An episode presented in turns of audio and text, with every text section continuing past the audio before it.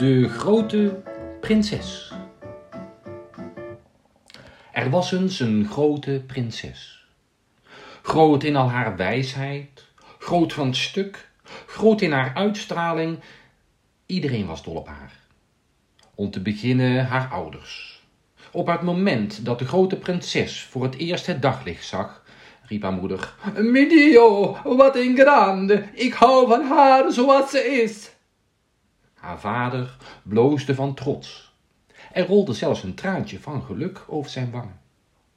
Hij liet het geweldige nieuws van de geboorte van de grote prinses in de krant zetten.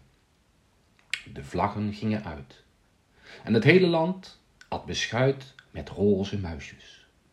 Iedereen, ook diegene die haar nog nooit in levende lijven had ontmoet, ging een beetje van de grote prinses houden. Ze poepte keurig in alle zeven kleuren haar luiers vol, dronk gulzig haar melk en zette op gezette tijden haar koninklijke keeltje op.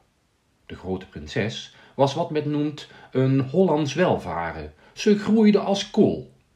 Ze werd veel voorgelezen en vermaakt met poppenkast. Verder speelde ze graag met poppen en het magnetisch zand. Tot haar grote vreugde hoefde dit niet alleen maar met het kamermeisje. Ze kreeg een zusje. En nog een. Samen spelen is ook samen delen. Dat leerde de grote prinses al heel snel.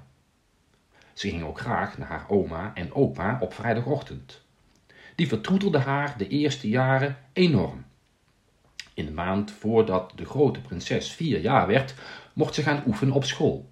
Ze vond het eerst heel spannend, maar al aan het einde van de eerste wenochtend vroeg ze haar moeder of ze bij de kindjes mocht blijven.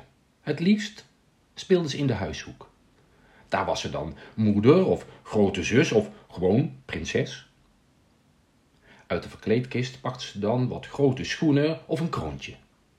Andere kinderen speelden graag met haar, ook de jongens.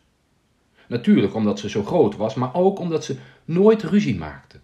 Zelfs als er jongens waren die heel erg boos werden, kon zij, met een grapje of iets liefs, de boel weer sussen. Dat schreven de juffen ook op in haar rapport.